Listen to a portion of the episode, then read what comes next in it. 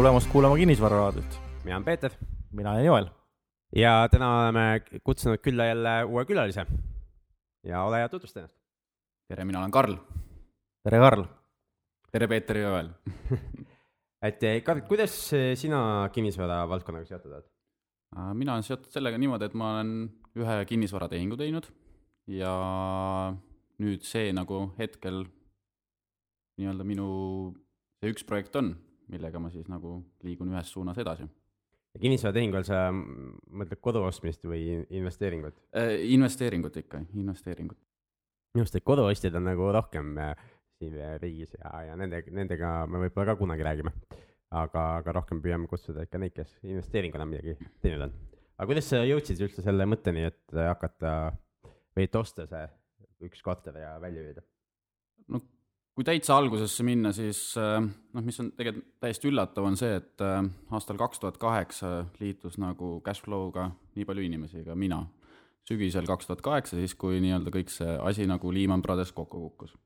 siis oli nagu väga selline huvi saada teada, et mis see siis nagu see raha tegelikult on.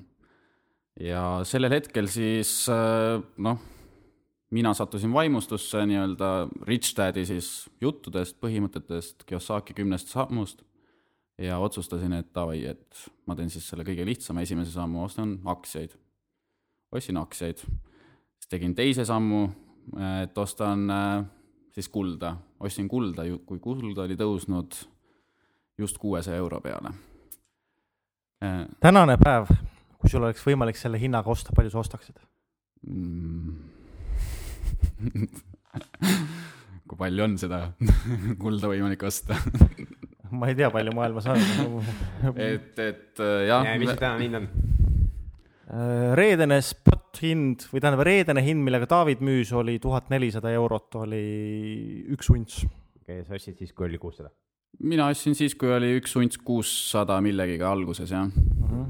ehk siis kuussada, tuhat kakssada et, et üle saja protsendi tõusnud. nelja aastaga on. ei, vabandust, üle tuhande protsendi.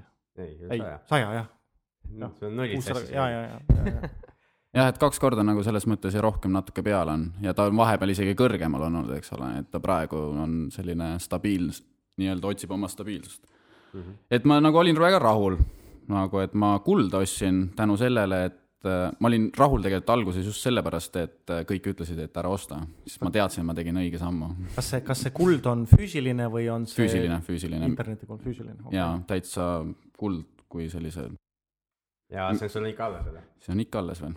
sest vahe, mõned inimesed, et jee, ma ostsin õigel ajal, eks ju, okei okay,, no, et väga hea siis, aga, aga ma müüsin ära valel ajal oli raha oli vaja, jah? jah, raha oli vaja et äh, ja siis äh, tegelikult nii-öelda hinna poolest, eks ole, meeldis hõbe palju rohkem ja sai ka hõbedat ostetud ja see on nagu päris naljakas, et ma ostsin ka samal ajal hõbedat.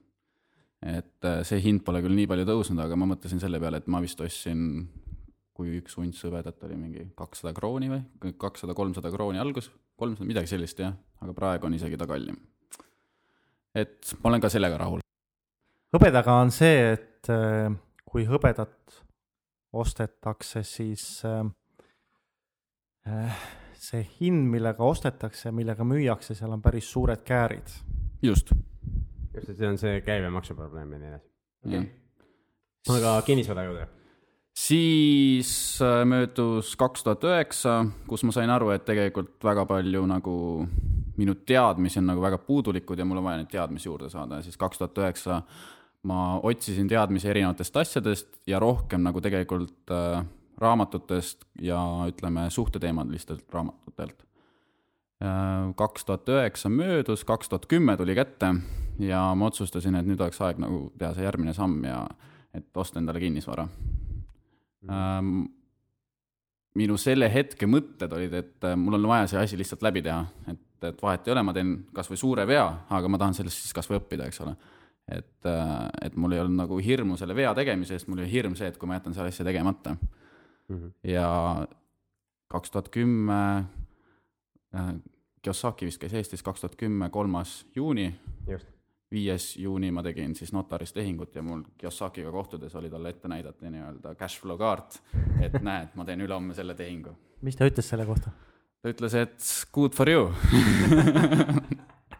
mis ta ikka öelda saab, eks. et äh, noh, mul tekkis, ütleme, see situatsioon või selline pilt, nagu Kiyosaki oma kümnesammuses programmis rääkis, et kui ta Las Vegases on ja siis keegi jookseb talle selja tagant juurde, ütleb, oo, mul on sulle väga hea tehing, mul on sulle väga hea tehing. ja siis äh, Kiyosaki ütleb, not for me. ei, ei, see on ikka päris hea. Not quite. et nagu, aga selles mõttes ta nagu nägi seda või ma sain aru, aru, et ta vähemalt nagu, et ma teen selle sammu ja siis Kim ja ja Robert kirjutasid nagu mulle pühenduse Cashflow mängu siis selle laua peale. see oli ikka üks vabatahtlik, kes seal üritusel, eks ei, siis ma ei olnud vabatahtlik, kes seal, okei. et siis, aga mina olin see, kes äh, võitis pileti läbi selle, et ma registreerisin oma ema kogemata sinna üritusele. aga õigus jah, et siis Ki- Kiyosaki see üritused olid välja müüdud, eks ju, ja siis me tegime see äh, raamatupoes see, eks ju äh,, pa-, pa-, täita andmed ära ja, ja panna sinna loosirattasse. jah, ja siis mina vist tegin seda netis isegi ja tegelikult Ja oli mul juba pil- koolitus või see nii-öelda kohaletulek oli ostetud ja välja lunastatud, aga ma registreerisin ka veel ennast ja okei, aga ma registreerisin ema nimega nagu sinna, siis mu ema nagu võitis selle okei. kas sul ema käis kohal ka seal või? ju, et ta käis hommikuses osas käis kohal ja õhtuses osas oli siis äh, teine inimene, et äh, ta ise nagu oli selles mõttes Kiyosakist nagu ka kuulnud ja et ta tahtis näha, et mis inimene ta on. aga tulles päris algusesse tagasi, kuidas sina siis sinna Cashflow klubisse üldse sattusid? aa, see on ka tegelikult päris nagu huvitav, et kaks tuhat kaheksa lõppes mul sõjavägi äh, kevadel ja sõjaväes siis ma sain sellise huvitava nii-öelda positsiooni, et ma olen seersant. ja ma nagu nägin nagu sellel ajal nägin, et äh, ma pean nagu mingisuguseid muutuseid elus te tegema, et, et, et mitte nii-öelda selleks reameheks jääda, eks ole, või ütleme, et tegelikult, et mitte nagu jääda sinna, kus ma praegu olen, eks ole, et tegelikult ma tundsin, et ma vajan mingisugust väljakutset kaks tuhat kaheksa suvi, siis ma otsisin seda väljakutset, ma läksin oma vanale töökohale tagasi ja ma tundsin juba sügise alguses, et, et see asi tõmbab mind jälle sinna kuhugi täiesti põhja. oravarattasse. et jah, et sellel hetkel ma ei teadnud seda nime, aga nüüd jah, oravarattasse tõmbas kinni, aga Peeter oli käinud mu ema koolitusel ja siis Peeter kutsus mu ema kogu aeg nagu cashflow'sse. ja ema ütles, et, et temal ei ole aega, temal ei ole seda ja toda ja värki ja, ja nii nagu mis iganes vabandusi ta leidis. muidugi tervitusi emale ka, et, et, et eks ta pärast kuulab ka siis ja naerab omaette. no näed, ilma, ema leiab siiamaani neid vabandusi vist. ilma su emata ei- sa ei oleks täna siin, eks ole. ja, ja selles mõttes ma olen väga tänulik, et ma tegelikult alguses olin võib-olla ise natukene tõrges, et, et mis mõttes, et ma lähen kuhugi mingisse klubisse. ema saadab kuhugi, et ema saadab klubisse, et võib-olla pigem jah, see mõte nagu ei meeldinud. aga üks hetk jah, ütleme täpselt peale seda Lehman Brothersi kokku, kukku, kokkukukkumist, siis äh, ma sattusin Cashflow klubisse ja, ja esimene amet, mis mul Cashflow klubis oli, oli doktor käsklomängus jah. ja, ja ma ei saanud mitte midagi aru ja siis sellepärast ma tagasi tulingi, et ma ei saanud mitte midagi aru. kuidas see mäng sul lõppes, esimene mäng? Uh, mul oli hästi-hästi-hästi palju raha käes, mitte ühtegi tehingut ma vist ei, või ma vist lõpuks midagi tegin, aga, aga ma mäletan väga hästi, et Hardi oli sellel hetkel oli nagu äh, minu audiitor ja siis ta nagu rääkis mulle, näe, kuule, sul on, vaata, kui palju raha käes ma ütlesin, mis mõttes, noh, mul peabki palju raha, ma olen doktor, ma olen nii rikas ju. et mul peabki palju raha käes olema, eks ole, mul oli põhimõtteliselt mängu lõppedes oli nagu selline hunnik selliseid igasuguseid värvilisi raha käsi käes ja mitte midagi ma ei olnud teinud, aga kõik teised läksid kuhugi ära. teised said vaadata. ja sina korjasid raha. minu arust oli sinu õde oli ka seal lauas, et esimene Mm. mm. mäng, et Hardi, ma mäletan, oli minu audiitor ja siis ta nagu päris naljakas oli. ja, ja, okei. ja, ja, ja mis siis sa sellest sai siis, tulid teinekord tagasi? ja, ja teinekord äh, ma tulin tagasi, siis ma nagu sai, nagu siis ma nägin, minu kõige esimene nii-öelda see kümnesammulisest programmist oli see kümnes osa, mis mm Mhm. -hmm. on siis nagu lõpp, kus siis äh, Kiyosaki küsib väga ilusa küsimuse, et äh, kui sa jätkad neid sama tegevusi, mida sa täna oled teinud, siis kus sa oled kümne aasta pärast. või see oli vist selle osast, eks ole, et seal küsitakse nii-öelda esineja poolt. ja siis, siis see võib-olla klikkis kuidagi ära, et, et siis ma olen veel hullemas kohas, kui ma praegu olen. jah, et see on nagu alati sihuke huvitav mõtlemisülesanne, et kui sa täna kuulad ka seda äh, meie vestlust, siis võid samamoodi mõelda ja endale kirja panna paberi peale, et kui sa teed täpselt sama, mis sa siiamaani oled teinud, jätkad seda, et kuhu sa siis kümne aasta pärast jõudnud oled. jah, ja ma lisaksin veel selle, et kui sa nüüd, eks ole, sa mõtled, et ütleme, et sa oled nüüd kümme aastat, ma ei tea, tööl käinud või mis iganes teinud, et mis sa selle kümne aastaga saavutanud oled. Ja nüüd, kui sa unistad, et sul on elu on parem või sul on rohkem raha, suuremad majad, autod, puhkused, mis iganes, et kui sa oma elustiili ei muuta, muuda, siis küsi endalt, et miks sa arvad, et kümne aastaga midagi muutuks, kui sa täpselt samamoodi käitud. selle kohta Einstein ütles ka, et need, kes eh, eeldavad, et tulemused muutuvad, aga teevad samu tegevusi, siis nemad on mis see hullumeelsuse definitsioon oli see? see oli jah, Idiootsus- idiootsus jah. idiootsuse definitsioon on see, just. et äh, siis ma nagu tundsin seda, et ma aga mis, pean, mis, mis sa nägid siis, kuhu sa oleks kümne aasta jooksul jõudnud, kui sa nüüd ei oleks mitte ühtegi investeeringut teinud, lihtsalt äh, jätkanud seda, mida sa no sa tegid siis üldse? no mi- mida nagu, mida nagu palgatöötaja nagu, mis on palgatöötaja nagu põhilised unistused, ongi see, et, et mul oleks, eks ole, suur ilus maja, eks ole, suur ilus auto, Aga oleks suur olnud- ilus naine neil- või mis iganes. ei, ei väike ilus naine ikka. aga ne- nendeni oleks jõudnud ikka? et, et tõenäoliselt, aga ma oleks jõudnud nagu läbi selle, et ma oleks äh, oravaratas veel rohkem kinni olnud, eks ole. mm. -hmm. et, et o- noh, ma oleks, eks ole, tööd edasi teinud, ma oleks, ma ei tea, karjääriredelilt tõusnud, korra aastas puhkusel käinud? korra aastas ilusal puhkusel käinud. küsimus, kui sa ei taha ära vasta, kaua sa palgatööd tegid kokku? Mm, ma olen tegelikult siiamaani palgatöö okei okay., ja minu, nüüd ma nagu, oh, väga hea, ma teen täpselt nii, nagu Joel ja, ja kõik te ütlesite, et et, et siis on nagu pinge peal, eks ole, et ma olen nagu teistele öelnud, aga nüüd ma saan nagu öelda nagu väga suurele laiale ringile välja, et september kolmkümmend kaks tuhat kaksteist, see on pühapäevane päev ja see on nagu, ehk siis esimene oktoober kaks tuhat kaksteist on minu esimene päev minu uuest elust. Ehk siis ma ei ole enam palgatööl sellel hetkel. et äh, mis sa tegema hakkad? äh, kõigepealt ma hakkan tegelema oma uue ettevõttega, et et äh, tahad sa sellest rääkida, mis, mis uus ettevõte tegema hakkab? minu praegune siis uus ettevõte on väga sellise väljakutsuva nimega nagu Elustiiliagentuur okei okay., ja siis nagu mina ja siis äh, mu sõber asutasime selle koos ja selle, selle mõte on ikkagi, et äh, siis ma tulen selle loo juurde tagasi, et, et äh, ma õppisin nagu suhete kohta, et äh, ka teie olete õppinud, et äh, et suhted on kõige tähtsamad, eks ole. tegelikult äh, ei ole raha nagu maailmas midagi muutnud, eks ole, ei ole, ei ole mitte ühtegi asja, näiteks ühtegi maja eks, ei oleks ehitatud, kui poleks suhteid. no eks ole, raudselt jah. et, et ühtegi raha poleks välja mõeldud, kui ei oleks suhteid, eks ole, tegelikult ju raha on praegu iseenesest usaldus. Et ma usaldan seda mm. -hmm. konkreetset väljaandet. siin oli just, oli enne kui panime mikrofonid panime peale, rääkisime jah, et kui, kui tähtis on tegelikult, et on suhted on korras ja ma siin rääkisin oma, oma näitest, et eh, minul on notar, keda mina kasutan ja kasutan ainult seda notarit, ma ühegi teise notariga ei suhtle ja alati, kui mul on võimalus näiteks tehingut tehes, siis ma pakun välja, et kasutan minu notarit. ja ma kasutan seda notarit sellepärast, et meil on siin aastatega on eh, tekkinud selline suhe, et mina usaldan teda, tema usaldab mind, kui mul on küsimused, siis ma saan alati vastused ja, ja mul ei ole vaja nagu midagi varjata ja, ja mis on nagu kõige, kõige selline konkreetsem võib-olla, mida iga inimene aru saab suhetest, on see, on, kui sul on suhe, siis igale küsimusele, mis sa esitad, ei tule automaatselt äh, arve. ehk siis see, et ma võin küsida asju ja ma ei saa arvet näiteks eh, per küsimus või per minut, mis ma selle notariga suhtlen, vaid eh, notar teab, et kui ma küsin midagi, siis tõenäoliselt mul on seda vaja ja varem või hiljem see viib selleni, et meil on mingisugune tehing, millest siis temale tuleb, tuleb see sissetulek. pluss siis see, et eh, mina soovitan ka oma tuttavatele seda notarit ja selle kaudu on selle notarite, notari kliendi baas laienenud ja, ja see on noh, väga konkreetne selline näide, et, et kuidas suhted võivad tegelikult eh, viia ka selleni, et see aitab sul kas paremaid tehinguid teha, paremaid tehinguid leida või reaalselt raha kokku hoida. just.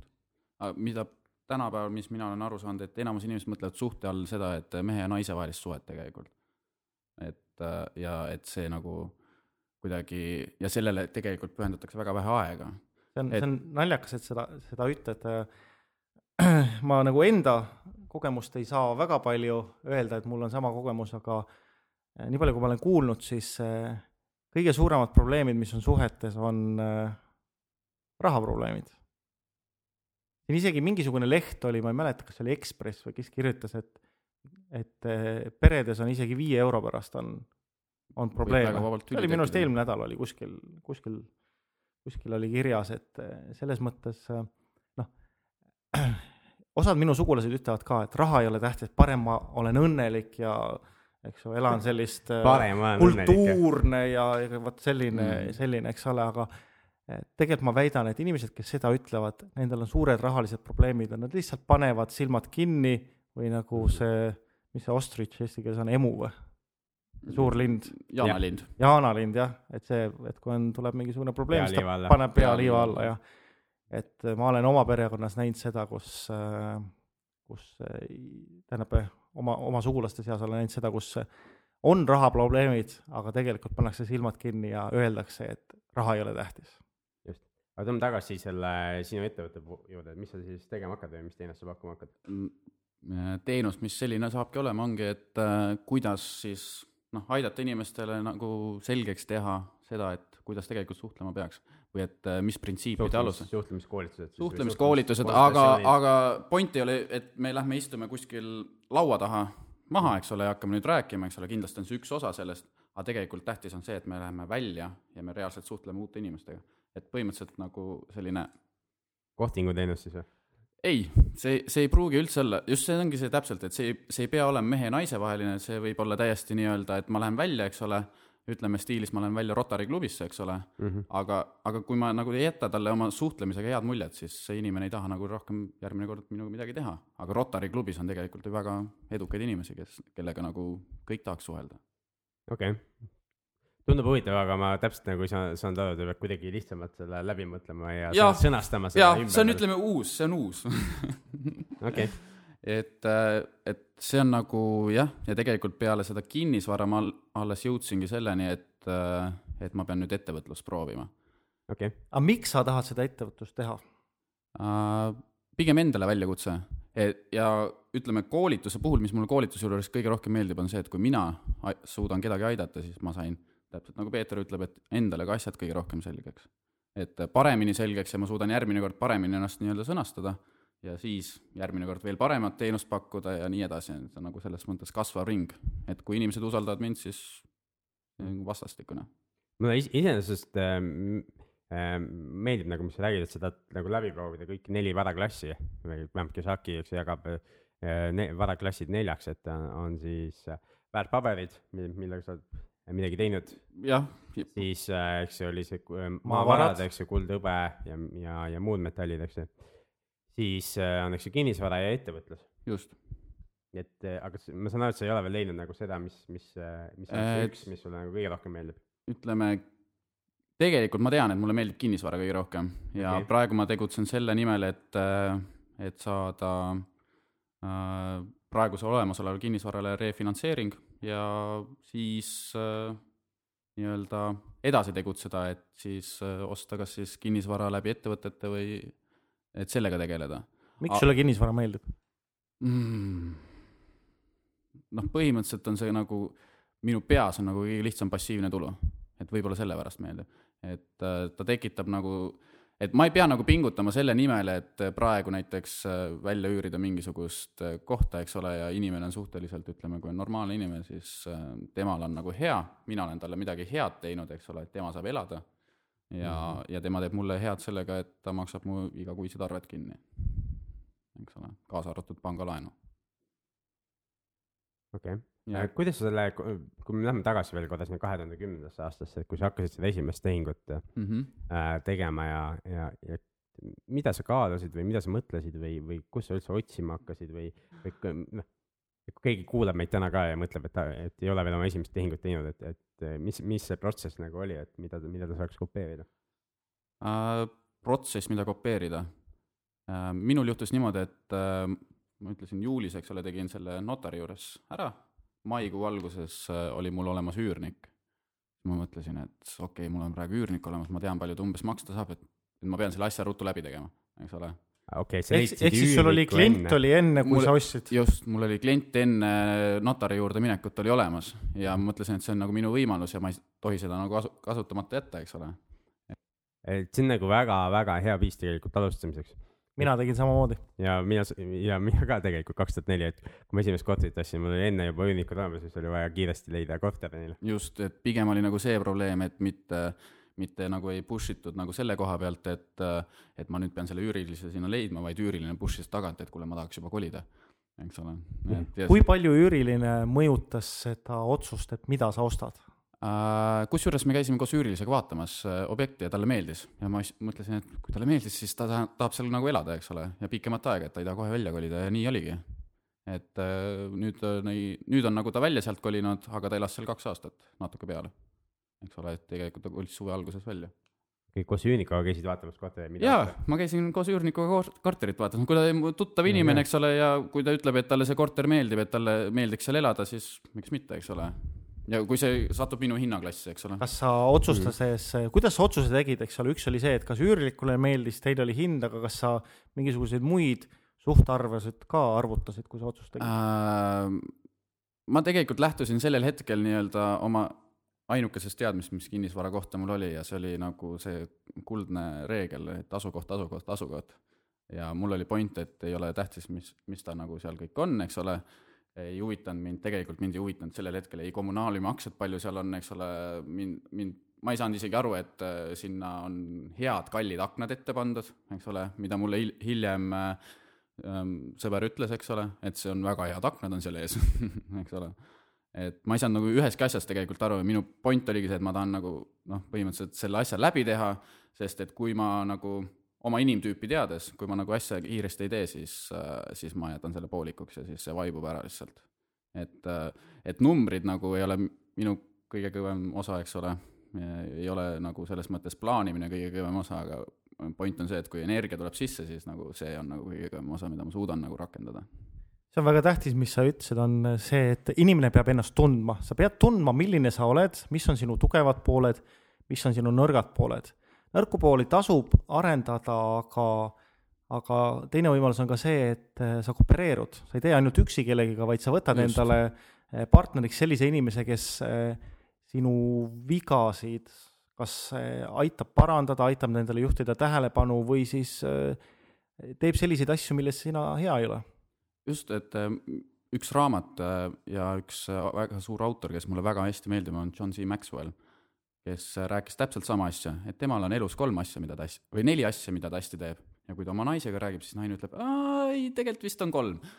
et äh, ja tema räägib kogu aeg seda, et arendab neid, neid asju nagu endas just sellepärast, et, et ta on nendes tugev ja ta teab, et kui ta neid asju arendab ja need asjad talle endale meeldivad, eks ole, millest ta on tugev, siis ta saab veel tugevamaks nendeks ja kõik teised asjad ostab endale sisse, mida tal vaja siis läheb.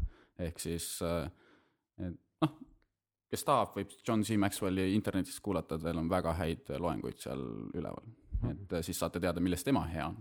okei okay., aga kui sa nüüd seda esimest äh, korteri välja võetud üürnik oli olemas, siis äh, mis laenuga või millise finantseeringuga sa ostsid seda? Äh, ma iseenesest ei ostnud isegi kodulaenuga, sellepärast et äh, ma läksin laenuhalduri juurde, ütlesin, et mul on selline plaan, ma üürin välja, siis ta ütles, aa siis ei sobi kodulaen sulle. ma ütlesin, no okei okay,, et mis mõttes ei sobi. noh, et kodulaenus sa peaksid ise elama seal, ehk siis sa läksid panka ja ütlesid, et ma tahan laenu ette üürida välja. just, ja et mul on üüriline olemas. iseenesest nagu neile kõlas see nagu äriplaan, eks ole, et ma Mhm. kujutan ette praegu ja, ja nad andsid nagu laenu sellel hetkel ja ma ostsin selle siis nagu kodukapitallaenuga, mis on natukene kõrgem intress, mitte väga palju, aga natuke kõrgem intress oskad. öelda mingi suurusjärk, kui palju ta kõrgem on? kui täna, tänase päeva seisuga on ta tegelikult kolm korda kõrgem, kolm korda. kolm korda kõrgem, aga kui me räägime siin, eks ole, ühe koma viiest protsendist, eks ole, kodulaenu intressist ja nelja koma viiest, eks ole, kodukapitallaenu mm. -hmm. siis nagu sellel hetkel oli see, need numbrid ikkagi teised, et siis ta oli niimoodi, et vist oli kaks korda oli kõrgem kuskil, ma võin öelda ka, mis see intress sellel hetkel oli, oli viis koma neli seitse seitse vist tuli midagi sinna mulle. pluss Euribor. ei, see oli juba koos Euriboriga ah,, siis Et see on ju tegelikult täitsa okei okay.. jah, see polnud nagu üldse kehva nagu lahend ja mulle meeldis see, et nagu pank teab tegelikult, mida ma teen, eks ole. Uh -huh. et, et kuigi noh, jah, räägi nüüd, see oli, see oli kaks tuhat kümme jah, see oli kaks tuhat kümme. kaks tuhat kümme, nüüd on paar aastat on möödas. mida sa õppisid oma esimesest tehingust? aa, ma räägin, kuidas ma õppisin oma esimest okei. okay.. et äh, ma õppisin oma esimesest tehingust kaks aastat hiljem kin-, kinnisvarakoolitusel. Ma sain aru, et ma tegin kõik asjad valesti okay. ja, ja ma julgesin seda nagu ka koolitusel välja öelda, et, et kui, et kui ma oleks nagu neid kõiki asju teadnud sellel hetkel, eks ole, kui ma oleks käinud enne seda nagu koolitusel ära, eks ole, Peetri kinnisvara koolitus on nagu väga fancy oleks olnud ja siis ma ei oleks julgenud vist teha seda tehingut. et nagu see, selles, siis mul oleks kadunud see energia sealt tagant, eks ole, oleks nii palju asjade peale mõtlema hakanud ja siis ma ei oleks nagu leidnud kas seda tehingut või ma ei oleks nagu viitsinud selle asjaga edasi tegema, aga nüüd on nagu see power sees, et ma tean, et ma nagu noh, nüüd ma teeksin nagu palju õigema otsuse. see on jah, äh, ma olen ise pannud enda juures tähele ka, et äh, kui sa liiga palju koolitad ennast ja liiga palju harid ja analüüsid, siis tuleb see kartus peale, sest sa tead neid kõiki riske et seal tuleb leida mingisugune niisugune kuldne kesktee, et sa mõned asjad õpid ära, siis sa lähed teed selle niimoodi, et sul kõige suuremad vead on välditud, aga noh, mingid väiksed apsud tulevad ikka sisse. Aga nendest apsudest sa õpid ja need jäävad sulle palju paremini meelde kui mingisugune äh, raamatuteooria. just, et, äh, et need äh vead oli see asi, mina ei kartnud, nagu ma ütlesin, ma ei kartnud sellel hetkel seda viga teha, eks ole, et aga mul oli tähtis, et ma teeks kas või selle vea siis, et ma saaks aru, et ma tegin mm. vea, eks ole, ja, ja teine point, mis ma siis õppisin enda kohta, et ma pean seda viga endale siis tunnistama ka ise, et ma tegin vea. Et ma ei saa kellegi teise kaela lükata, et see on nüüd loll maakler või, või, või et keegi tegi ise lollisti või et loll üürnik või mis iganes eks ole, et, et mina ise olen süüdi oma vigades. maakler võis loll olla, aga sina lõppude lõpuks tegid otsuse jah, jah, põhimõtteliselt küll, et nagu kinni, kinnisvara müügis, et et kõigepealt olen mina see loll, kes ostab, eks ole, siis ma pean leidma veel lollima, kes ostab minult ära, eks ole. jah. Okei okay,, aga said oma esimese tehingu tehtud, sul oli üüriline sees kaks aastat, eks ole, kas seal nüüd midagi muud toimus ka vahepeal või oli sul ainult see üks tehing ja siis? siis nagu jäigi see üks tehing ja siis ma nagu otsisin seda väljapääsu, kuidas edasi saab minna nüüd. ja tavaliselt lahen... välja, väljapääsu, väljapääsu millest? väljapääsu, et mitte jääda nagu sellesse ühte korterisse nüüd kinni, eks ole. et kaks aastat ma tegelikult olen selles korteris kinni olnud, aga nüüd ütleme, tihti need vastused on lähemal, kui me nagu oskame vaadata, eks ole. miks sa arvad, miks sa kahe aasta jooksul ei ole midagi muud teinud? Äh, ma pigem olen ennast harinud just, et selles mõttes ma olen teinud ja ma olen nagu mõelnud asju, aga nüüd ma nagu suudan juba neid asju nii-öelda ka nendele nii-öelda seda energiat sisse lükata ja siis nii-öelda neid asju teha. et mis ma mõtlen sellega, on see, et äh, näiteks äh, väga huvitav lahendus on see, kuidas on ühe mu sõbraga, et äh,, et, et äh, minu, ma ei oma korterit, eks ole, et äh, mul oli nagu võimalus ühelt inimeselt nagu üürida korter. Ja kuna tema ise ei ela Tallinnas, eks ole, siis ma nii-öelda pakkusin teenust, et ma, mul on sõber, kes soovib sisse kolida. ja ma nagu põhimõtteliselt vahendasin selle asja läbi. E,, ma tegin ühele inimesele, tegin hea tehingu, eks ole, et tema ei pea enam seda asja nagu haldama, ja teisele inimesele hea tehingu, sellepärast et mul oli vaja endal ise näiteks äh, firmal käivet näidata, eks ole. et tema nagu siis nagu näitab minu firma jaoks käivet mulle igakuiselt et äh, no ta mitte ei, ei näita käivet, vaid ta reaalselt maksabki sinna. noh, jah, jah, et selles mõttes ta reaalselt maksabki ja, ja minul on nagu sellest kasu. ja sina maksad edasi, eks ju. ja mina maksan edasi ja, ja, ja mul ei ole isegi tähtis sealt nagu vahelt midagi teenida, et ma viisin nagu kaks inimest kokku, ühel oli vaja abi, teisel oli vaja abi ja tegelikult kõige tähtsam nagu, mis kinnisvarakoolituselt nagu ma välja korjasin, ongi see, et et üks plakat, mis mul ka praegu nüüd sellest samast koolitusest seina peal on, on objekt versus müüja probleem. et siis nagu see asi nagu pani mind mõtlema, et ma ei peagi tegelikult kinnisvara omama selleks, et nii-öelda inimesi aidata ja iseennast aidata. Need, kes ei olnud koolitusel või ei tea seda tausta, kas sa võid natukene seda objekt versus et, müüa, kas võid seda natuke lahti seletada, mis see on? jah, et enamus inimesed, kes lähevad äh, kinnisvara siis vaatama, ostma, mis iganes, eks ole, et nende probleem on see, et nad vaatavad seda objekti, neile meeldib see ja nad ei viitsi isegi süübida sellesse, et mis see tegelikult põhjus on, et miks seda müüakse. inimesed, kes nüüd viitsivad süübida sellesse põhjusesse, saavad tihti väga palju soodsamalt selle objekti ostetud, sellepärast et nad lahendavad müüja jaoks mingisuguse probleemi. just, ja võib-olla mitte, mitte isegi eesmärk ei ole alati ju saada see võimalikult odavalt kätte, aga, aga kui, mis on alati hea, eks ju, aga aga just nimelt, et sa saad aidata nagu mingi pro probleemi veel ära lahendada ja, ja, ja sellest tekib nagu rohkem kasu või, või, või rohkem positiivseid emotsioone vähemalt.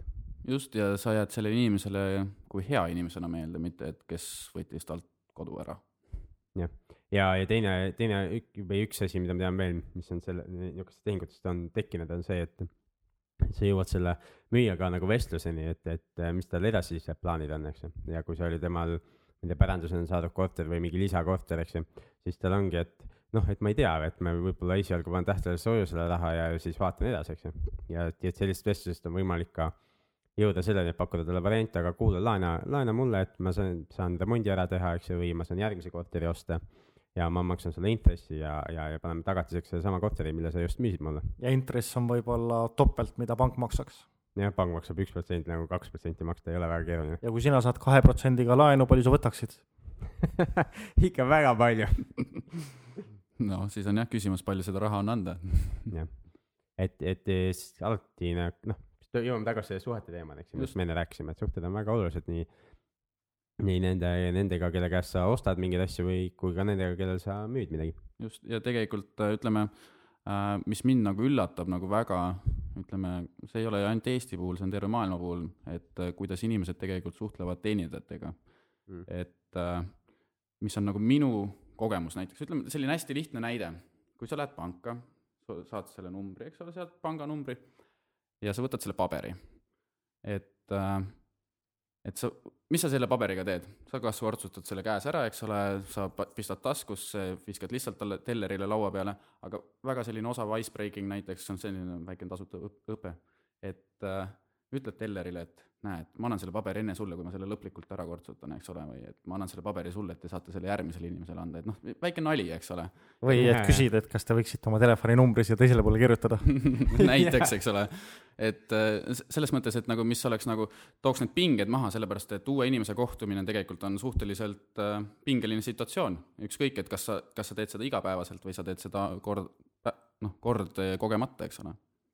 Et äh, selline väike icebreaking, eks ole. Et see on nagu alati mõjub väga hästi.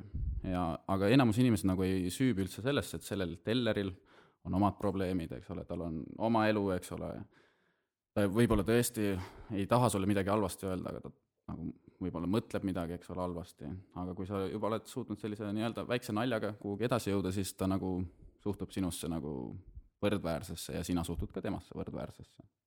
ja, ja sellest nagu seda, noh kasu ka, eks ju, lähed jälle kontorisse ja tuttav nägu jälle, eks ju, ja, ja. ja kui sulle naeratakse, naeratatakse näiteks keskuses mööda minnes, eks ole, sa oled poes ja siis sind tuntakse ära selle pärast, eks ole, ja naeratatakse, siis see teeb su enda ju.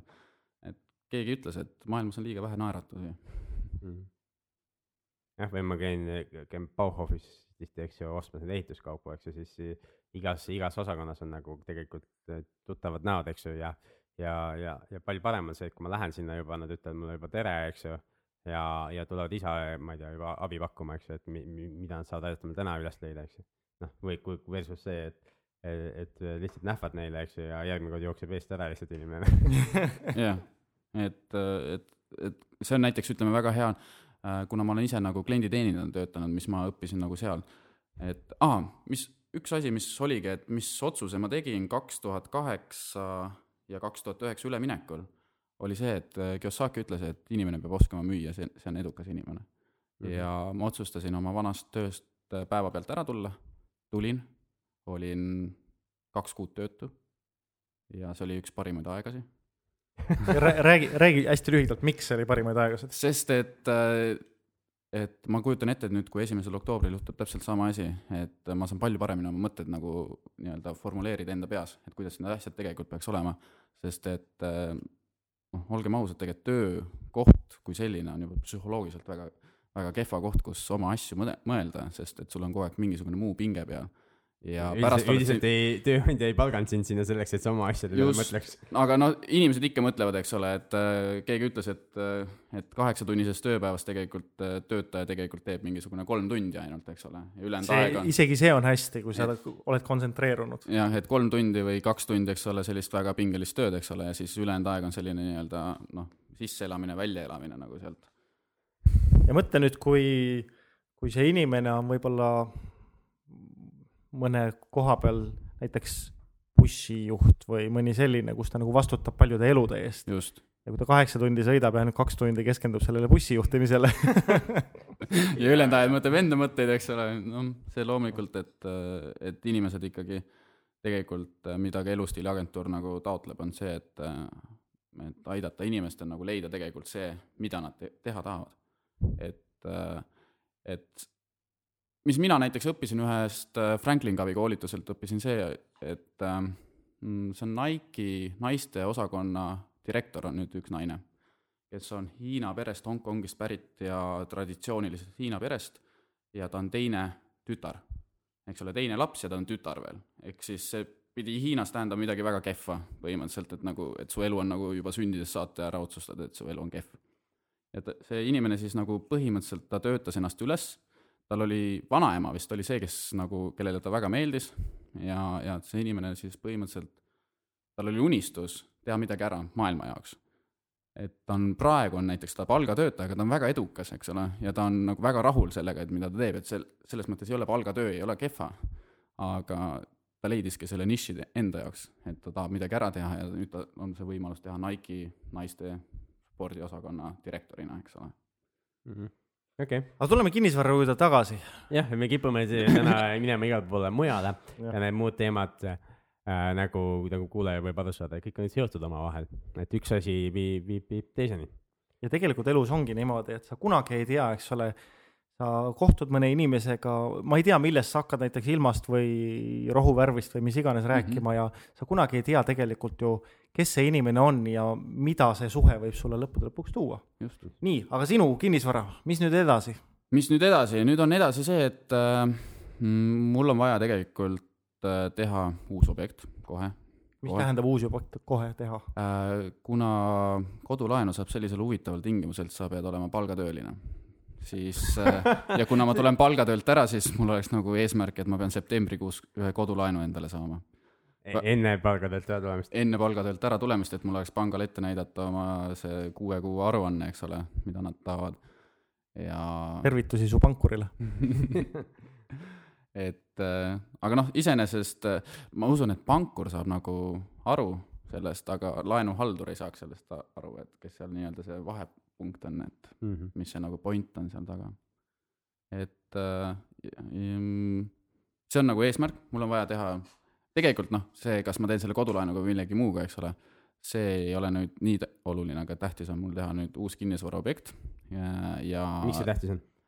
sest et äh, muidu ma jäängi pidama ühe asja mm -hmm. peale, eks ole, ja, ja, ja jään mõtlema, et see on nagu time of my life olnud, eks ole. ja, ja ja nüüd, nüüd nagu on põhimõtteliselt, et kuus jalga mulda, eks ole. et äh, lihtsalt see nagu mingil hetkel tuleb mingisugune energia, siis see tuleb nagu rakendada töösse ja siis on mõte, et sellele olemasolevale objektile hoopis refinantseering saada, mitte seda maha müüa ja siis seda raha kasutada nagu väga mõistlikult sissemaksuks järgmisele objektile näiteks. sissemaksuks äh, nii-öelda ka oma nii-öelda mõtete kogumiseks, eks ole, selleks ajaks natukene mm. -hmm. et, et koolitada ennast, et äh, aga selle ühe korteri väärtus on kasvanud selle kahe aasta jooksul. et äh, selles mõttes praegu ma tegelikult võtangi refinantseeringu, võtan nagu selles summas, mis äh, ma küll ei tea, sest ma pole seda korterit maha müünud, eks ole, et mis see tegelik väärtus on, aga ma eeldan, et nagu ta läheks, siis ma võtan selles summas nagu refinantseeringu ja Ja. kasumi välja nii-öelda. korterit ei pea müüma maha, et teada saada, mis ta tegelik väärtus võiks olla, et selle jaoks on hindamine. just, noh, hind, hindamine on väga hea nendest refinantseerimise ja laenutehingute jaoks, eks ju, tegelikult see hindamine ei pruugi, pruugi nagu reaalset hinda näidata, sest reaalne hind selgub, selgub ikka siis, kui keegi Notari reaalselt ära tahab osta seda. loomulikult. et, et siis, kui on allkirjad all, et siis on nagu see reaalne hind olnud, et aga samas ma, mind ei huvitagi see reaalne hind, eks ju, mind huvitabki, palju ma saaks, palju Ah. mu omakapitali veel seotud on, kuidas ma oma kapitali sealt kiiresti välja saaks, et ma saaks selle järgmises tehingus edasi liikuda just, ja, ja jälle objekti juurde ja läbi elu edasi. et mis minul oli muidugi, minu tehingu puhul oli nagu väga hea, oli see, et mida ma lugesin enda nagu töövõiduks, oli see, et äh, ma ei pannud ühtegi senti oma raha sinna sisse. ja alguses kaks tuhat kümme aastal ja ma ei ole siianigi ühtegi senti nagu äh, oma raha nii-öelda sellesse algkapitalisse sisse pannud, et ja nüüd mul on nagu võimalus võtta äh, mitte oma rahast, eks ole, välja mingisugune kasum, siis see nagu tundub mulle nagu väga õige mõte hetkel ja mul jääb vara alles, eks ole, kus mul pole endiselt ühtegi oma senti sees. aga okei okay., ja nüüd kuulajal eks tekib küsimus, et kust sa siis, kust see raha tuli ostmiseks siis, kui sa enda raha ei pannud sinna? Äh, mõned võivad öelda, et ma olen nagu õnnelikust perest siis sündinud, et, et äh, mul oli lihtsalt vanematelt võimalus äh, võtta lisatagatis. lisatagatis? jah, ja lisa, lisatagatis on väga paljudel võimalik võtta. jah, et tegelikult inimestel on lisatagatisi võimalik võtta, et Mhm. äh, ühele korterile saab ka mitu hüpoteeki peale panna ja mm. -hmm.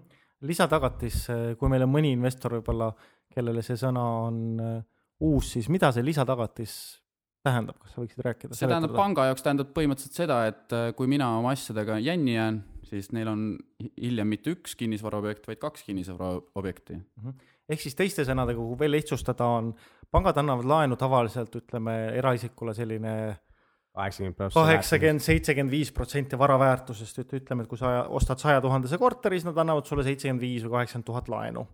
ja siis see ülejäänud kakskümmend viis või kakskümmend tuhat sul tuleb ise leida, et kas sa siis tood füüsilise raha, eks ole, tood panka, näed, et siin ma nüüd maksan selle, sellele kinnisvara omanikule või siis selle tagatiseks on vaja otsida lisaväärtust ja lisaväärtus võib olla, eks ole, siis näiteks vanemate kodu.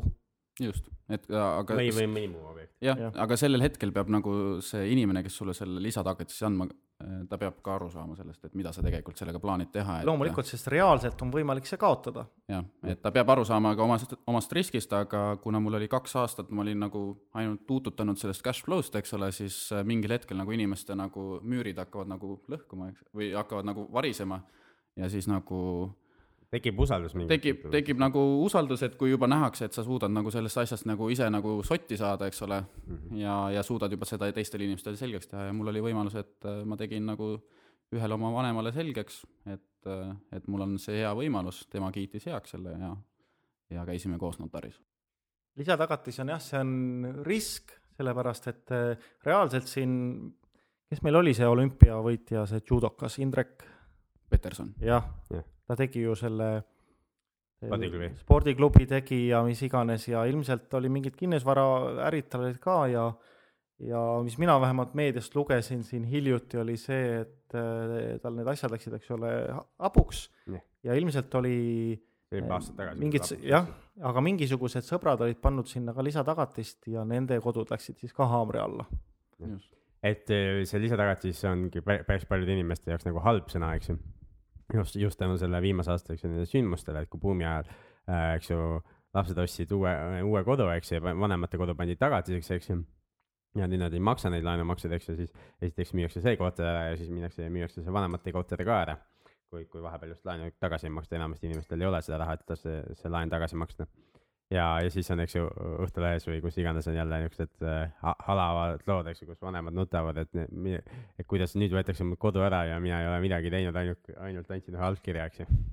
ja, ja, ja tegelikult see tekitab nagu nii-öelda seda äh, noh, kui see tekitab nagu siin teistel inimestel sellise lolli konteksti, et kui sina ütled, et ma nüüd investeerin kinnisvarasse, siis nemad vaatavad juba sinule selliselt otsa, et see on nagu täpselt seesama näide, et et kui üks Eesti relvakaupmees Ameerikas räägib, et Ameerikas täiesti normaalne, eks ole, et äh, sina vist rääkisid seda lugu, et et Joel võib-olla, ma ei et mäleta. äh, kus, kui relvakaupmees läheb, eks ole, Ameerikas ütleb, et ma olen relvakaupmees, inimesed vaatavad otsa, et jah, kuidas äri läheb, eks ole, mis teinud oled, eks ole, et äh, mi-, mis sul on, eks ole, ja nagu võetakse nagu normaalset business'it, siis Eestis vaadatakse sulle otsa, et sa oled nagu terrorist.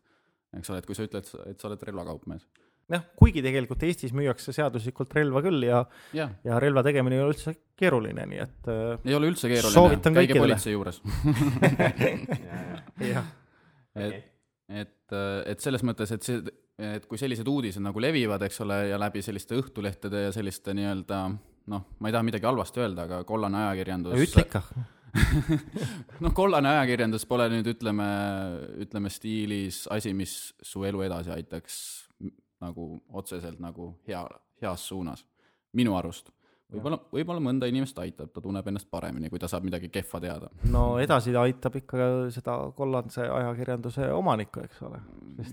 kui on ikkagi suured tabloidid ja tema on nagu pigem, tema võtab seda asja kui ärimees, et kui on nõudlus, siis ma pakun, kui seda nõud-, nõudlus ära kaob, siis ma ei- enam ei paku seda, aga nõudlus on väga suur ja siis äh, ja kui selline nii-öelda negatiivne uudis nüüd tuleb, eks ole, ja mina ütlen, mina tegelen kinnisvaraga, siis see juba nagu lööb inimestele nagu sellise ploki ette, eks ole, et mida ma nüüd teen, eks ole. Ja, ja sellepärast on nagu, nagu väga osav vaja olla, kuidas inimestele serveerida erinevaid asju, et. Äh, no usaldust peab tekitama, usaldust tekitab see, et kui, kui on aru saada, et sina saad aru, mida sa teed. just. ja usaldus tekib ka siis, kui sa midagi ütled mm -hmm. ja nii ka on. ja teed teinekord ja jälle on nii, nagu sa ütled ja siis tulebki usaldus. jah, et tegelikult sa pead elama oma sõnade järgi. Ja aga selles suhtes on see üks väga hea niisugune kapitali hankimise viis esialgu, eks ju. et teine inimene ei pea sulle raha andma, aga ta, kui tal on mingisugune vara, eks ju, siis ta ja, ja, ja sellel ei ole juba olemasolevaid hüpoteeke, et siis ta lubab sul kasutada seda.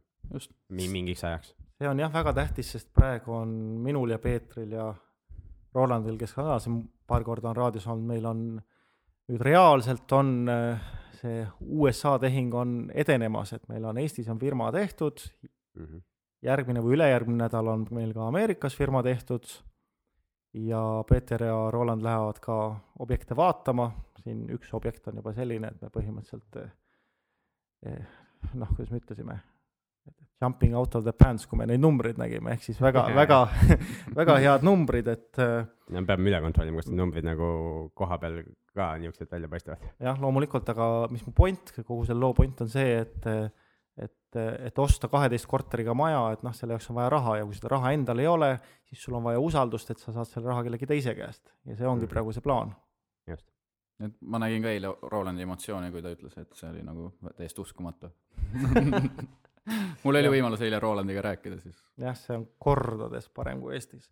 aga räägi, räägi, Karl, mis sinu, siis kui sa suureks kunagi saad? just, just. mis su plaanid siis on kui ma suureks saan ähm,? Mm, kas on vaja suureks saada? no ei, ei tea.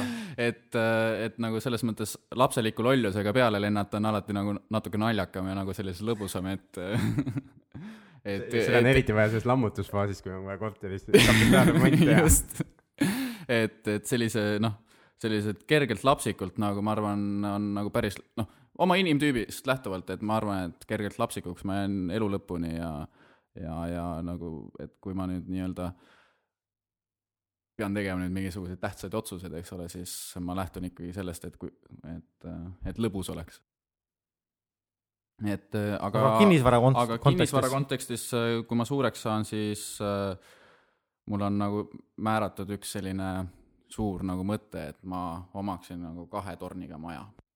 kahe torniga? ja ütleme sellist klaasmaja näiteks, ütleme, ta võib olla Tallinna kesklinnas, ta võib olla.